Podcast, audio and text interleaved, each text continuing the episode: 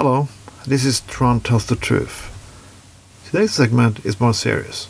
But first, let me take a little history lesson. When I started in politics, I was like 14 or 15 years old. I was not a member of a political party then, but I fight for causes like against apartheid, against racism, and so on and so on, human rights and so on.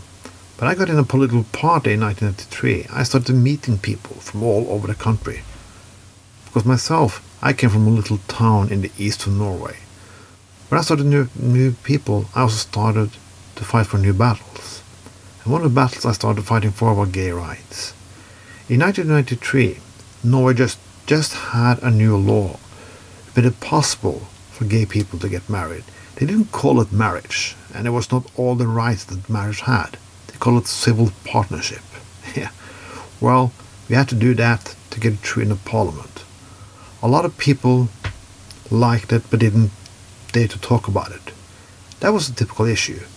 Why are you talking about it so much? Well, can we just let it pass? Can we just be quiet now? We should not do this and do that. But me and many other people thought it was right to talk loud what we were fighting for and why we were fighting for it.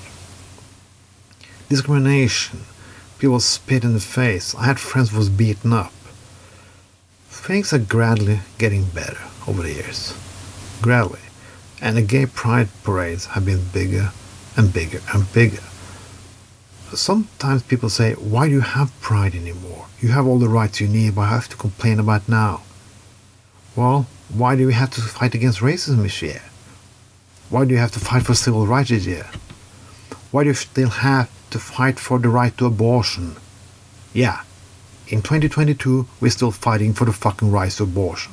I'm not gonna get into that topic this time, but I will come back to it very fucking soon.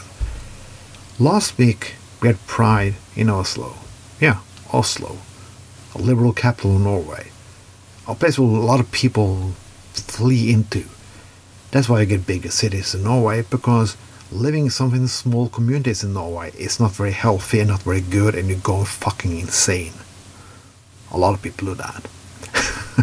but that's my opinion. I don't like small towns, small hillbilly shit towns. But that is all for another day.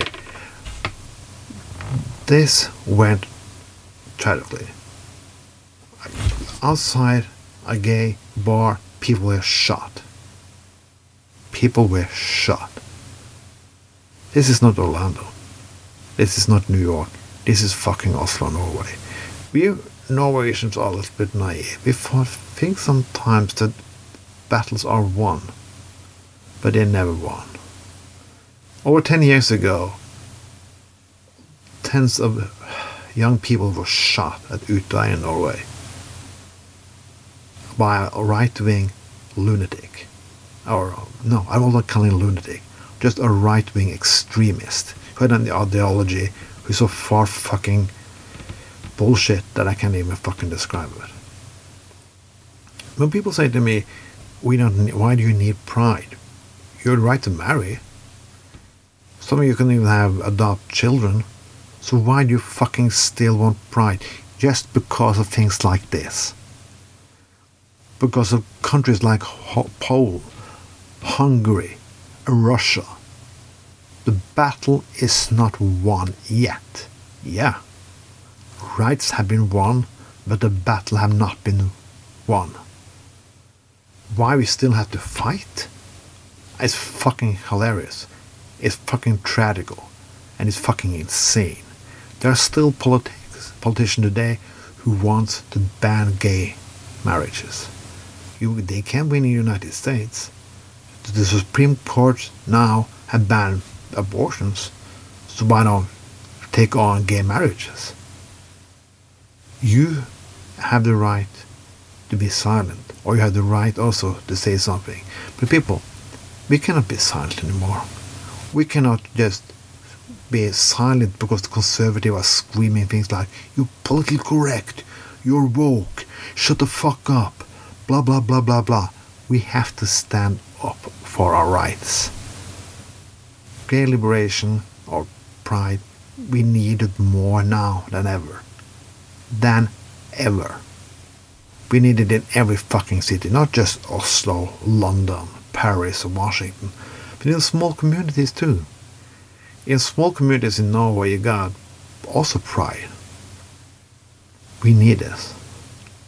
People were shot in Oslo. Two people were killed in Oslo by a fucking asshole. This can be worse the next time because I'm afraid it will be a next time. You can Christian conservative, Muslim conservative, conservative of any kind, you are responsible for this happening. You're responsible for filling people with bullshit. You're responsible for using family values as a shield just to be a fucking asshole. You have now the possibility to do something good and do, oh no, not good, to just do the fucking right thing for once. This was Tron, where Tron tells the truth. Have a nice day and celebrate Pride fucking every day of the year. Bye.